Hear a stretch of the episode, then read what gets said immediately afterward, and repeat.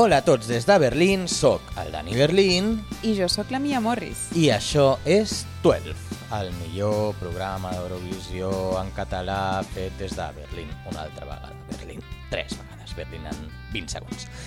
Eh, estem supercontents d'estar de tornada després del cap de setmana passat que va ser d'emocions fortes. Semblava que anàvem a baixar una miqueta, que tindríem més tranquil·litat i tal, però no. Aquest cap de setmana quasi el Danks Melody Grand Prix, quasi San Remo, quasi la final de Malta, la d'Estònia, la de Croàcia, la de Romania, la de Letònia, no sé, un munt de coses. Eh, el tema és que nosaltres hem decidit aïllar-nos una mica de tot això i anar a la nostra.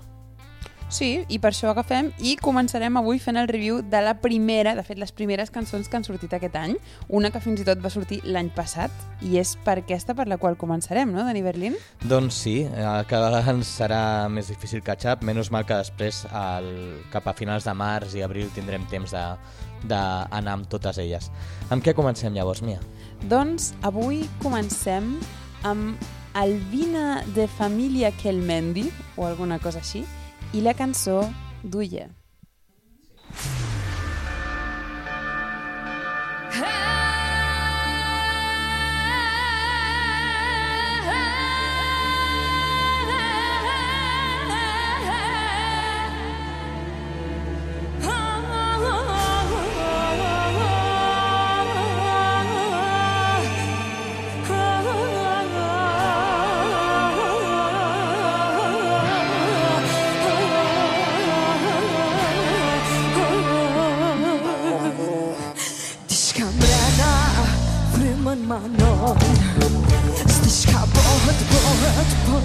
coming on. So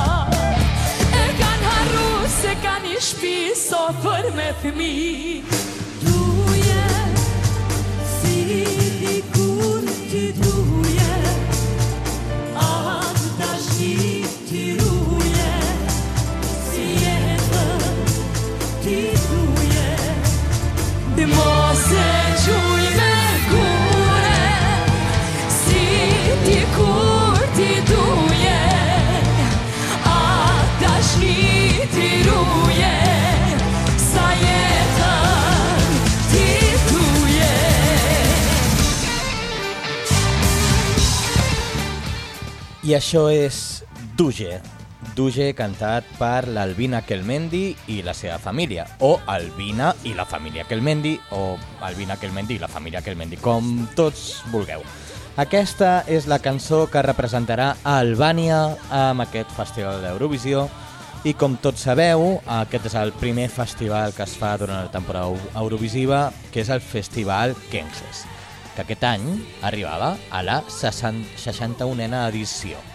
26 artistes durant 4 nits, eh, d'aquí es van treure de sobre a 5 dels nous artistes fins que van quedar 21 a la final i després de quasi 4 hores de final, o sigui, del rotllo San Remo, eh, el jurat va decidir el seu guanyador, que no va ser un altre cap, Elsa Lila, amb la cançó Evita.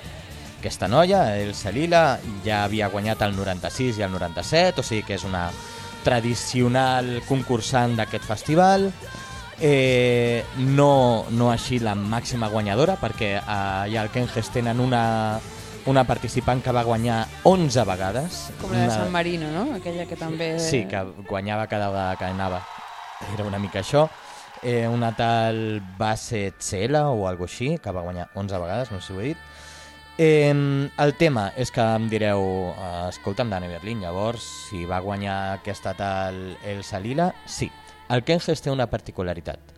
Hi han dos jurats, el jurat, eh, diguem, del programa, el professional, i després està el vot del públic, el, el jurat popular. El jurat eh, del festival és el que tria el guanyador del festival. Però el vot del públic és el que escull quina cançó va a Eurovision. I aquesta cançó, en aquest cas no es van posar d'acord i la guanyadora del festival és Elsa Lila, però la que s'envia a Eurovisió és Albina i la seva família amb aquest Duge. Però qui és aquesta noia? Doncs aquesta noia, Albina, eh, ve de la bonica ciutat de Pelle, o alguna cosa similar, que la vaig estar buscant per, per Google amb fotos i realment és molt bonica, una ciutat a les muntanyes, i està, de fet, a Kosovo, aquesta ciutat. Per tant, Albina és la tercera persona d'origen eh, de Kosovo que representa Albània al Festival d'Eurovisió, cosa que és bastant, bastant curiosa. I podríem dir que Albina és molt musical, ella i tota la seva família són molt musicals, ella toca el clarinet i el piano i ja des de ben petita va començar tocant i pujant als escenaris juntament amb la seva família, d'aquí més endavant també parlarem. I ja de molt jove, amb 16 anys, va participar a The Voice of Albania i allà va acabar segona. I ojo, ojo, perquè ja sabeu que The Voice va una mica que tens un coach, no? que és un, un artista consolidat, que, bueno, que és el que, el que et porta i el que et guia en aquest procés. Dani Berlin, qui creus que va ser la coach d'Albina a The Voice of Albania? Eh, no sé, Bache Chela? No, no, però va Ai drama? ser... Ai drama? Ai, drama. Va ser Elsa Lila, la, Oh. la que va guanyar, de fet, de facto, al Festival de Kengues. El pupilo supera al maestro o fastidia al maestro, no sé com No, no sabem, esperem que encara es portin bé. I eh, res, com a un parell de coses més, ha tret un disc aquest 2022 que es diu Nana Loque, Mhm. i bé, i ja hem parlat una mica de la seva família, però jo crec que això en parlarem ara eh, quan parlem de la cançó, no?, Dani Berlin. Doncs sí, perquè, bueno, ja ho hem dit, és Albina i la seva família i, com no, la família juga un paper important. De què va la cançó? Doncs la cançó va un tema molt familiar, eh, diguéssim que planteja l'escena d'una parella que una parella que té fills i que es barallen per tonteries, no? Lo típic, la típica discussió tonteria de l'etapa del vàter i que eh, al final el que, el que parla la cançó és de reivindicar lo important que és la família i lo important que és tenir en consideració doncs, doncs, no sé, els petits de la família i l'amor que a la família quan es tenen aquest tipus de discussions.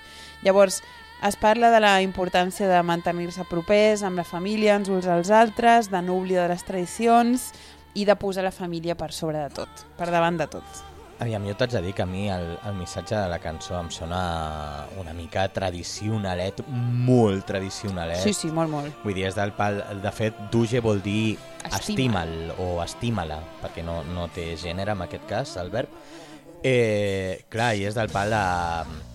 No, no, la família és el més important, estima-la. Sí, t'has aparellat amb, amb ell o amb ella, però és igual, estima-la, perquè, jolín... És no, família. És família, no, no, no nos separemos, no al divorcio. És una mica això, lo Sí, que... sí, Però bueno. no m'agrada massa. Eh, musicalment, aviam, és una cançó molt albanesa, amb molts sentits, vull dir, sona molt a cançó tradicional, tenen aquest rotllo eh, que tenen només els albanesos amb el festival, que és ficar guitarres elèctriques fent solos per allà al mig, amb un so una mica de plastiqueta, també s'ha de dir, però és una cosa que jo només escolto a Albània, no l'escolto en lloc més, és, és una cosa molt especial seva.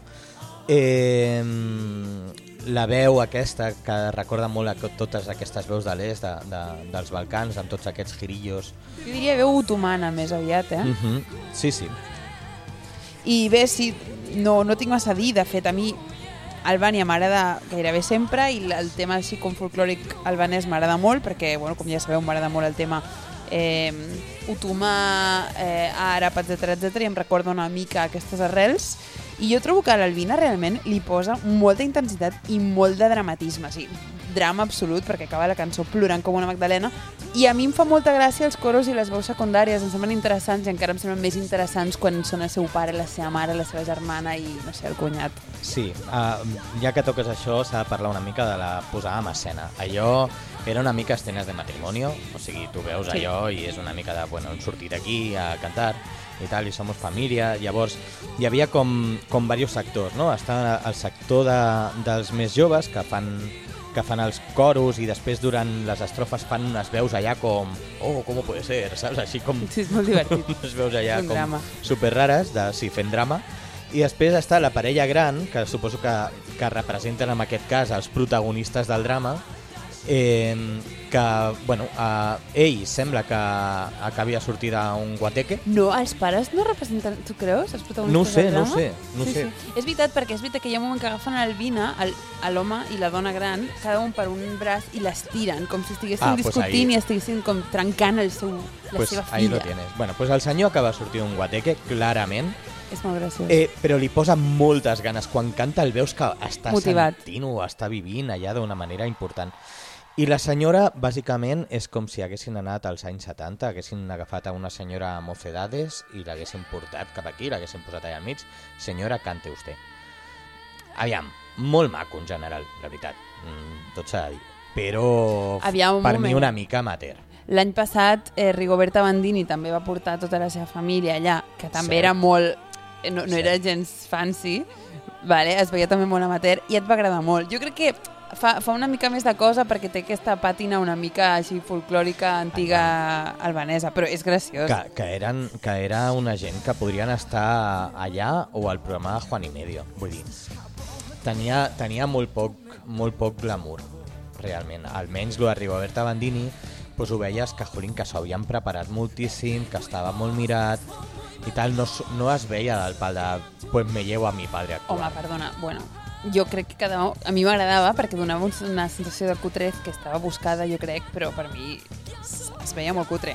Però bé, a mi em sembla bonic, em sembla tendre perquè parla de la família, com moltes cançons eurovisives aquest any. Sí, sí, sí, sí. sí. I mi els- família, mi sí, família. I arriba un moment que els pares li donen la mà a cada un per una banda, donant-li suport mentre canta. Això em va semblar molt bonic. Però bé, eh, tot això a part, Dani, Dani Berlín, què n'opines d'aquesta cançó?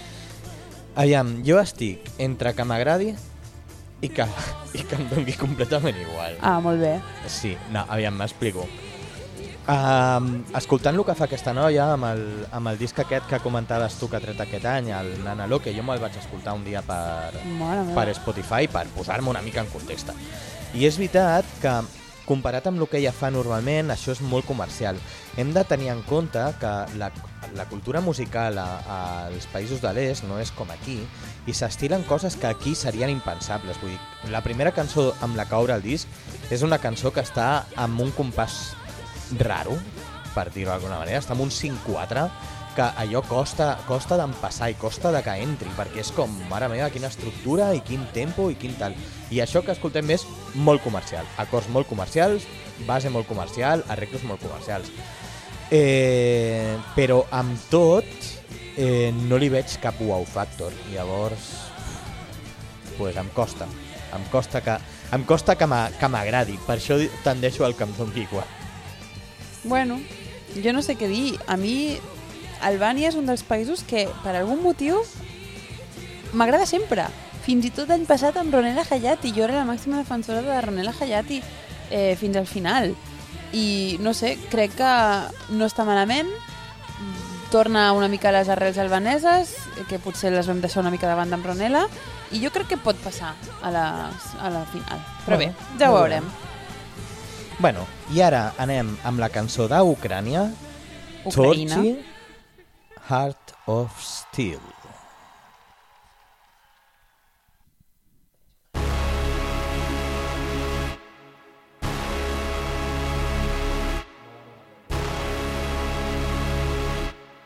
Sometimes gotta let it go. Sometimes gotta look away.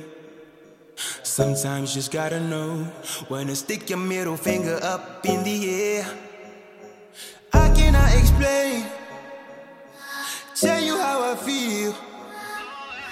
Life is just a game, and I'm playing for the win. Don't be scared to say just what you think.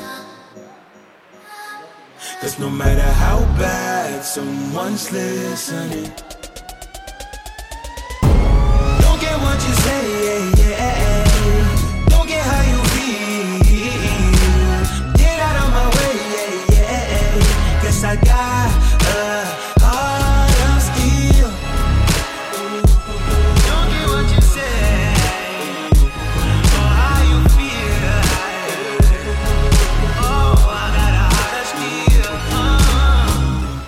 doncs aquests eren Tforki o Tforchi. Sincerament, no m'he mirat la transcripció fonètica i com a filòloga me n'avergonyeixo. Bueno, molt. mira, tu pots dir Forchi o Forchi i jo puc dir Ucrània cada vegada que vulguem.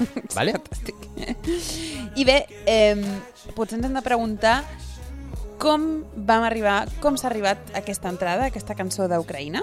I per això cal anar al Festival de Selecció Nacional, al Vitbir, que s'ha dir que en Dani Berlín i jo, a diferència del d'Albània, sí que el vam veure, o vam intentar veure'l, perquè Vam intentar, vam intentar. Bé, vam intentar-ho tant com vam poder. Aviam, al Kenges vam veure una estona, que vam veure algú que sortirà després a, a la Gala Dragot, que va Mhm, Això és participar. veritat, això és veritat. Ho, ho havia oblidat que havíem vist aquí. Sí, és per oblidar. Sí. Um, doncs sí, el Bitir va ser un dels festivals que vam veure. S'ha de dir que, donades les circumstàncies a, a, a Ucraïna, és un festival que es va haver de celebrar sota d'una estació de metro, per tant, realment eh, un context molt, molt dramàtic. Però s'ha que S'escoltava el metro. s'escoltava el metro quan passava. Jo al principi no sabia que era el metro perquè realment no podies... No, no era molt evident, però se sentia de tant en quant com un, una cosa, un soroll que, d'un tren que passava. I bé, més enllà que he dit del festival, com a curiositat, a mi em sembla un festival dels més interactius que, que he vist mai. Per què? Perquè sembla no només, el públic no només podia votar pel seu candidat preferit, sinó que prèviament al concurs el públic podia triar el jurat professional a través d'una app, que jo això ho recomano a Radio, Radio Televisió Espanyola, que potser ens deixin nosaltres també votar el demoscòpico, i així com a mínim sabrem qui el conforma. No? El senyor Còpic. Eh, no, home, si tenim que votar les 350 persones que representen a tots els estratos de d'Espanya, Jo, jo ho faria, eh? Cru, eh? Jo ho faria. Però bé, eh, entre els, els panelistes, entre el jurat que es van triar, òbviament no podia faltar Jamala, que s'apunta Jamala. a qualsevol gala eurovisiva, l'antiga um, representant d'Ucraïna que va guanyar el 2000, diria 2016. I eh, com es triava el representant? Doncs era un 50% vot del públic, 50% vot, de, vot del jurat. S'ha de dir que, en general, almenys per la meva humil opinió, el nivell va ser bastant baix, però, tot i així, no va faltar el drama un cop més a la selecció de- Òbvio, d'Ucraïna, òbvio, co- òbvio. ja que la, ah, diguéssim que Tvorchi o Tvorki van ser els guanyadors, però la segona, la que va quedar segona, una tal Krut, va denunciar o va, bé, va dir, va fer un comunicat dient que hi havia dos motius pels quals Tvorki no podien ser els guanyadors. Un, que el segell discogràfic amb els que operen, amb el que operen, que és Believe, opera a Rússia, i per tant això va, suposo, en contra, no sé si en contra de la normativa, contra però de segurament en contra de, que- d'Ucrània. de l'interès nacional Cosa, sí. i a part, i, més, i això és més tècnic, que quan va sortir a l'escenari aquesta banda portava una, un recording, portava la veu principal que estava duplicada i que estava sonant uh, per sota com una base en, en, en recorded, per dir-ho així. I tot això va en contra de les, del reglament. I que, I que, perquè això és intentar fer una Lina Paix, no es deia? Aquella... Sí, Alina no sé què, sí, l'any Sí, sí. passat. Va, van intentar fer això. I què va dir? eh, No li van fer ni cas. Li van dir Perfecte. que, un, el segell discogràfic Believe és francès, per tant, ni tan sols és rus, i hi ha altres concursants d'aquest festival. De fet, cinc altres concursants que també estan sota aquest segell, per tant. Mhm, o sigui, I després, dos, el segon motiu que van donar sobre el tema de la veu principal duplicada no em queda tan clar. Perquè bàsicament el que diuen la, la delegació és que sí que admeten que va en contra de les normes, però que no creuen que, que això sigui un motiu essencial per avaluar la, la performance d'aquesta banda. O sigui que sí, que a lo mejor que sí, que había voz de bajo, pero que tampoco... O sigui que tenim unes normes, però que si les tenim o no les tenim no importa Però molt que perquè... tampoc no importa. Sí. Però bé, eh, prou de parlar del Bitbir, ho sento molt per haver-me allargat tant. Eh, Dani Berlín, ens pots parlar, si plau de qui són Tvorchi o Tvorki? Doncs mira, Torchi és un duet de música electrònica uh, conformat per l'Andri Utsuliak i el Jimo Augustus Kehinde, més conegut com Jeffrey Kenny, que és un noi que és originari de Nigèria. Aquests dos nois, joves els dos, es van conèixer perquè els dos eren estudiants de farmàcia. Llavors es coneixen allà i diuen ei, molaria fer música i el 2017 pues, es- s'ajunten per començar a, a, a fer música electrònica eh, junts. El tema és que eh, sobre el 2017-2018 pengen un vídeo eh, amb un pressupost superbaix, o sigui, no és allò que digués que fessin un vídeo professional, sinó que ells, amb, de manera personal, es van gastar 100 dòlars amb fer un vídeo una mica en condicions. Suposo que aquests O sigui, 100 dòlars res. seria, pues, jo què sé, comprar l'objectiu de la càmera Sí, sí. i poca Llogar cosa el més. local o el que sí, sigui. o el que fos. I com a resposta a aquest vídeo tenen 400.000 visites en pocs dies. En 3 o 4 dies lo peten. Això fa que, que, bueno, que, que guanyin molt de renom i molta fama a Ucrània i això els porta que el 2020 es presentessin al, al Dir i no van guanyar, van quedar Vaja. quarts. Però, curiosament, el 2021 comencen a guanyar mogollon de premis, eh, diguem, la, la gala Grammy ucraïnesa, Mhm. eh, pues la gala de la música ucraïnesa, el 2021 ells guanyen mogollon de premis, entre ells el millor hit electrònic per la cançó Bonfire, que és la que va quedar quarta al Beat Dir. Ostres, vaja, Sí. quarta al VIP Dir, però en canvi primera en... Sí, sí. per tota la resta. Bueno, Sí. molt bé. Eh, bueno, i bàsicament això els porta a ser una, ban una banda bastant reconeguda al país i a que, bueno, que ara quan es van presentar amb aquest Beat Dir, pues, pues que la cosa els hi sortís, els hi sortís bé. Molt bé. Bueno, doncs, aviam, ara tinc ganes d'escoltar aquesta cançó, eh, la de Bonfire, ja me la posaré després. Però jo volia parlar una mica de la lletra, que és un tema mm, curiós. De fet, jo vaig intentar escoltar, llegir el significat de la lletra i sí que trobo, trobo que té un sentit, de vegades trobo que té un sentit, de vegades no, però en qualsevol cas, òbviament la lletra està relacionada amb eh, la, la guerra, co- com, és, com era evident que, que aniria a ser, i aprofiten per relacionar el tema de la guerra i de l'amenaça nuclear que vivim amb l'esperit eurovisiu. Com? Com fan això?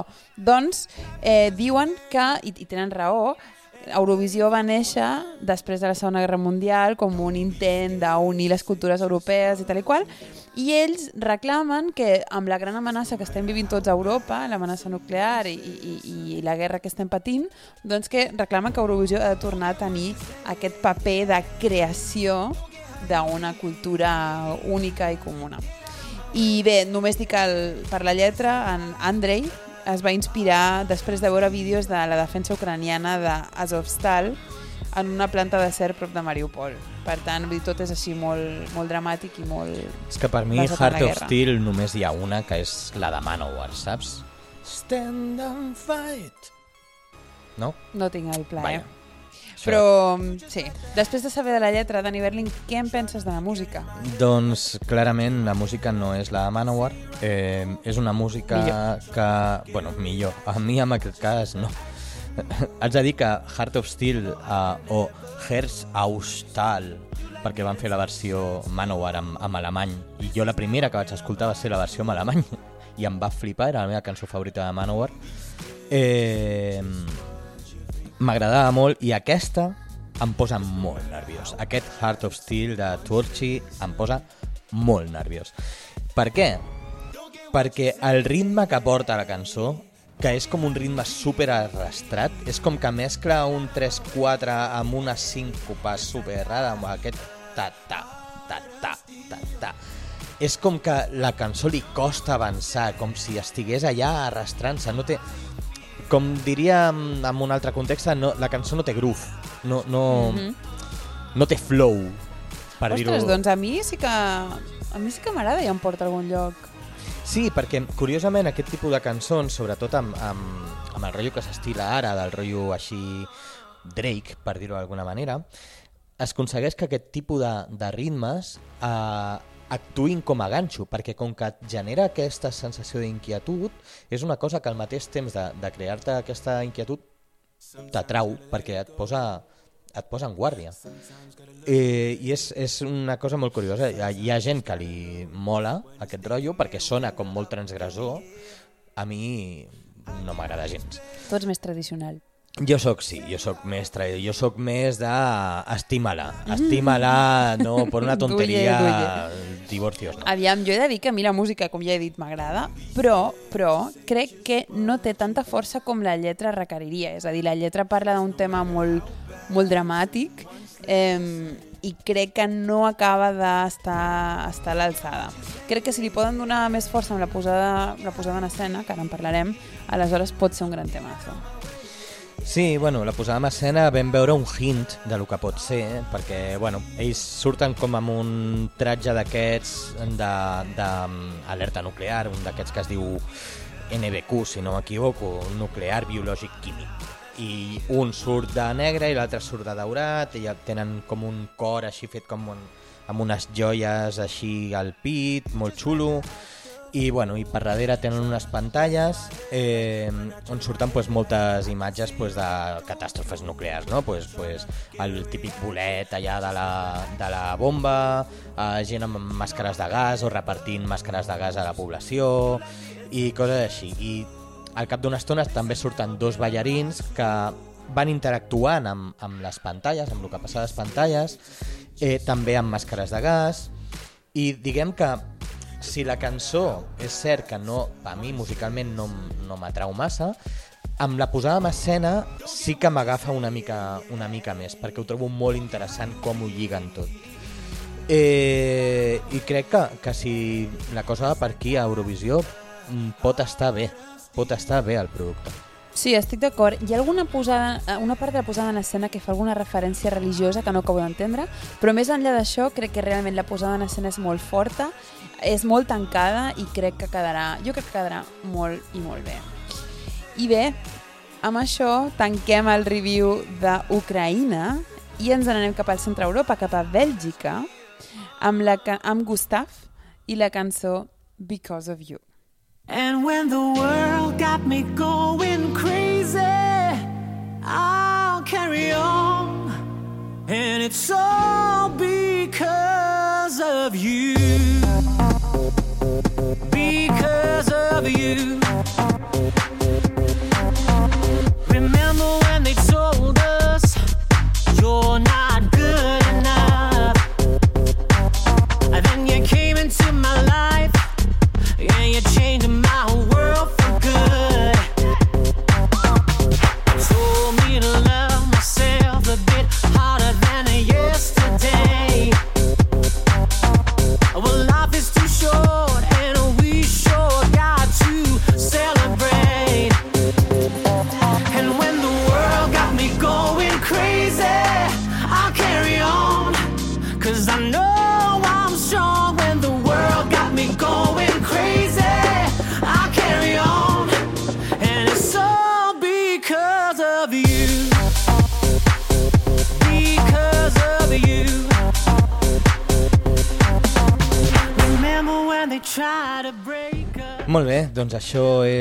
Because of You de Gustav. Aquesta cançó, mm, que representarà Bèlgica aquest any, per primera vegada en molt de temps surt d'una preselecció pública, diguem-ne. Feia molt de temps que Bèlgica no, no triava fer un, un programa de preselecció i feia una selecció interna, però aquesta vegada es van atrevir amb un Eurosong 2023.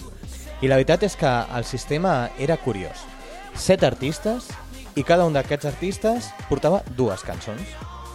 Llavors eh, feien com una espècie de, de prèvies que ho feien del rotllo club, com si estiguessin allà en un club privat tots els artistes, cantaven cada artista aquestes dues cançons i llavors hi havia un jurat. Amb aquest jurat teníem penya també, pues, igual que diem que la Jamal està agafada com una paparra a Ucrània, pues, tenim també un altre personatge agafat com una paparra a Eurovisió, que Hombre. és Alexander Rybak.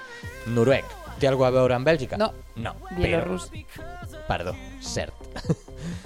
Però, bueno, allà estava, entre altres, eh, altres personatges de, de l'escena musical a belga. Llavors, aquest jurat, amb aquestes prèvies, el que feien era pues, donar-li el seu feedback als artistes. Pues mira, amb aquesta cançó tal, amb aquesta cançó qual, aquesta cançó no la veig no sé què. Llavors els artistes agafaven tots aquests feedbacks i podien decidir quina cançó triaven finalment ells personalment, o sigui, no ho feia ningú. Ells deien, vale, doncs amb el que m'han dit trio aquesta per anar. I llavors es presentaven a la gala final i aquí sí es feia una votació que això no em va quedar clar si era meitat jurat, meitat públic, em sembla que sí, que era algo així. Eh, aviam, entre la gent que va haver, eh, tothom apostava per Gala Dragot, que ja hem dit que la vam conèixer, la Mia i jo, veient la, el Festival Kenges, perquè va actuar allà, perquè té família o El passat seu pare és un, es veu, supermúsic albanès que és resident a França i es veu que també és molt famós a França. No sé.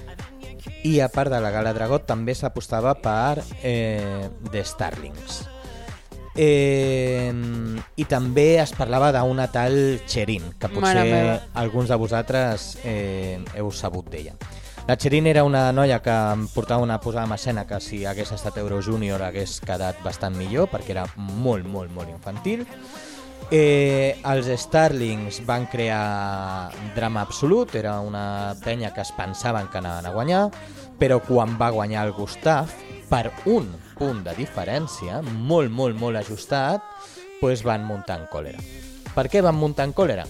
Perquè resulta que ells deien que hi havia persones del jurat que els havien menyspreat, que els havien menys tingut i que s'havia jutjat qualsevol cosa menys la seva performance vocal i la seva performance a, a, sobre l'escenari i tal, i bueno, que els havien votat molt baix i que això era perquè realment no havien votat el que havien hagut de votar. Per què va passar això? Alexander Rybak va ser un d'ells. Perquè la cançó, si l'escolteu, la, la cançó que va portar Starling, s'assemblava molt, moltíssim a Icy Fire de Ed Sheeran. Moltíssim.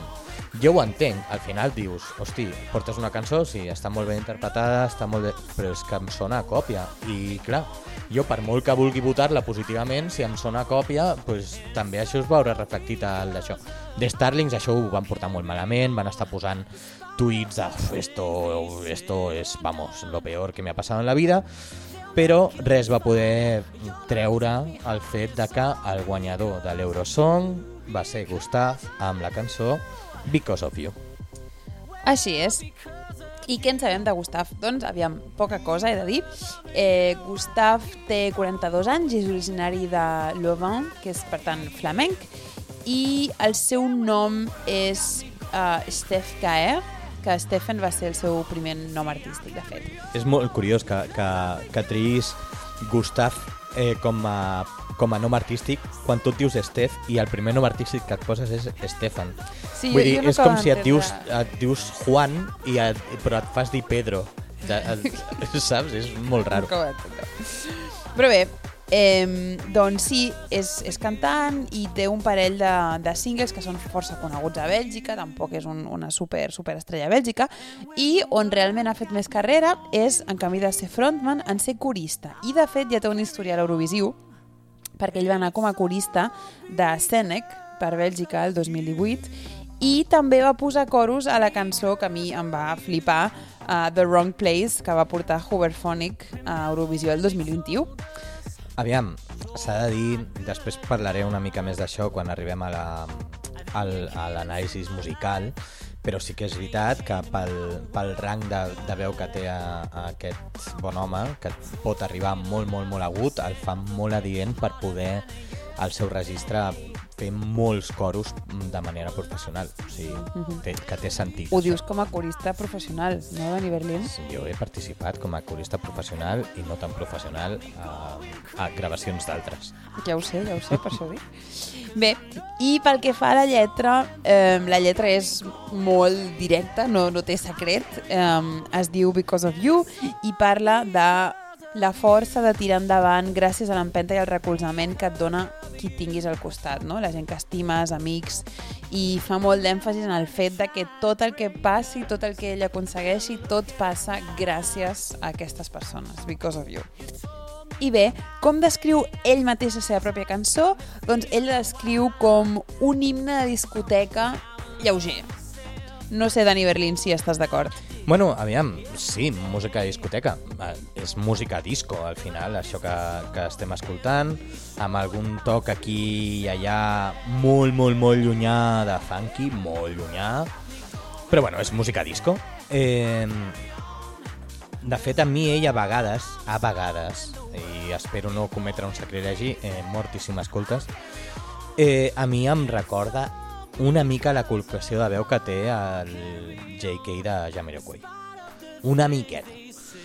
Eh, però pel meu gust eh, és una veu una mica massa aguda per ser veu principal. Per ser corista segurament no, però per veu principal eh, em sembla una mica aguda. No, no que arribi molt agut, sinó que el seu timbre, Timbre. És, és, em, em resulta una mica molest. Eh, aviam, A jo, mi, bueno, a mi el que em falla una mica és que li falta força. Potser a les tornades Sí. és una cançó que podria tenir com molt, molta energia i a les tornades em falta alguna cosa i crec que és un tema d'intensitat. Sí, sí, sí. En aquest sentit a mi em recorda una mica a la versió en estudi que vam escoltar de, de Sharon del Benidorm Fest. Mm Mhm. -hmm. O sigui, aquesta sensació de sí, pots fer moltes coses amb les, veu, amb les veus, pots arribar molt alt, però li falta empenta. Sí, Sí. tens raó. Bueno, eh, què vam veure a l'Eurosong? Sisplau, Dani Berlín, jo sé que tu tens aquí unes, Aviam. has fet unes referències molt interessants que vull que ens expliquis Sí, sobre la posada aviam, en escena. jo ja ho vam deixar clar fa dos anys i ara ho podem tornar a treure, malauradament. Tinc un problema amb, amb segons quins tipus de barrets. Eh, perquè no ho entenc. Vull dir, hi ha vegades que un barret queda bé i hi ha vegades que un barret no queda massa bé. De fet, és molt curiós el tema dels barrets, eh? Perquè una boina ben portada pot estar molt ben portada i pot quedar super... o, o pot quedar supercutre. Sí, sí. Una cosa... I en aquest cas, és el que jo crec que li passa a aquest bon home és que no li queda massa bé. Que sé que és el seu personatge. Ell, el, Ell sempre porta el barret? Gustav, ell, crec, per les fotos que he vist por ahí, sempre porta barret. Però clar, una cosa és que sempre el portes i l'altra que et quedi bé. Mm, Digue-li a Black Mamba. Efectivament.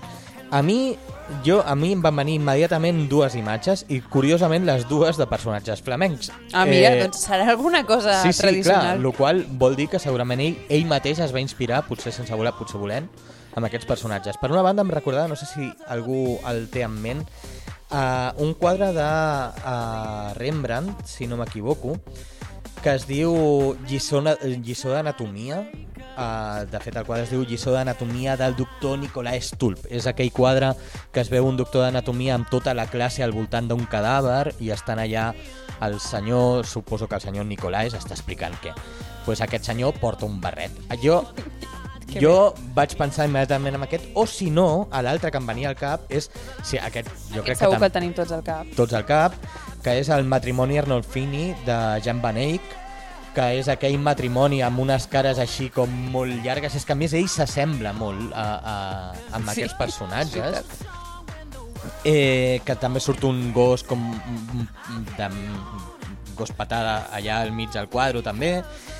Eh, és, a, és aquest rotllo. No, no, no entenc el barret, no entenc el vestit, que porta allà com unes borles, uns penjim, penjam allà, que no sé exactament què, és. Com a punt positiu i que potser compensa la seva posada en escena, eh, les coristes. Porta unes noies que canten gospel i que li donen un plus. Ja sabem que el rotllo portar coristes gospel Sempre ajuda. sempre ajuda. Bueno, aviam, sempre ajuda. Li podem preguntar al nostre, al nostre amic eh, Ludwig, Això. John Ludwig, eh, si li van ajudar o no. O li van fer el salt. o li van fer el salt, perquè la seva cara no deia el mateix amb les votacions. No, I després les coristes van independitzar d'ell i a sobre van participar a Eurovisió i van quedar... Bueno, no van quedar millor que ell. Van, no van arribar perquè van va ser deixar el molt 2020. clar que el problema no eren elles, que el problema era ell. Efectivament. Home, jo sobre la posada en escena només et, et llegeixo la, la frase que he escrit, que és Trobo que ell té força carisma, no es mou massa i em fa una mica de por la seva indumentària pseudo-cowboy glam, però per algun motiu em cau molt bé. Però aviam, pseudo cowboy glam, això va ser Aquile Lauro l'any passat. Sí. Eh, jo amb aquest senyor el poses al costat d'Aquile Lauro i, bueno, al millor sí, però no. Mira, no sé, Espero que no. és el que em va venir al cap. Però he de dir que la cançó, si he de donar la meva opinió, a mi m'agrada És una cançó que quan la vaig escoltar ja de primera escolta em va agradar, i això és important. Mhm. Eh, I jo tenia una altra favorita perquè guanyés la gala, que crec que és la mateixa que tu, Dani Berlín, la Gala Gardot, la, la noia d'origen albanès. Dragot, Dragot. Ai, perdó, Gala Gar Dragot, jolín, perdona. Però, tot i que no va guanyar, estic molt contenta perquè guanyés en, en Gustav Sí. i em, és una cançó que em posa de bon humor. Sí, jo tampoc no era la meva favorita quan estava veient la final. Aviam, per mi qualsevol cosa menys que hagués guanyat la tal Cherin eh, em semblava perfecta.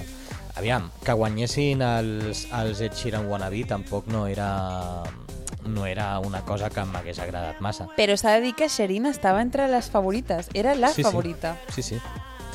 Eh, bueno, uh, jo crec que és una cançó que creix amb tu, com tu dius. Vull dir, Mm. com, mm, és una cançó que, que entra bé, que és veritat que potser no és massa, massa memorable, que potser no és massa espectacular, però crec que està ben feta, està ben construïda, té detalls molt xulos, i no sé, jo crec que, que part de les crítiques que estan havent, que no són massa bones, jo crec que venen més per, per tot el que jo he comentat del seu atuendo Mm, i de la seva mm. posada en escena, que no pas per la cançó, és d'aquestes cançons que tu l'escoltes sense saber qui és Sí.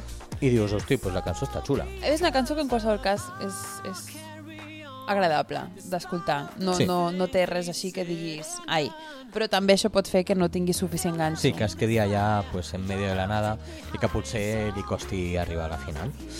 Però bueno, aquest ha sigut el programa d'avui en el que mm, hem pogut repassar les cançons d'Albània, Ucraïna i Bèlgica.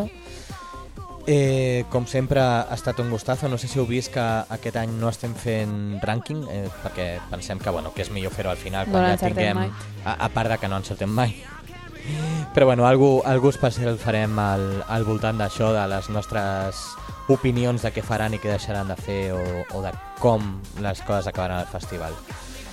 I amb això dit, doncs jo crec que ja ho tindríem fet, no? Doncs sí, jo crec que sí, Dani Berlín. I bé, doncs amb això ens acomiadem i esperem veure-us a tots i a totes les properes setmanes. Així que, fins aviat. Que vagi bé.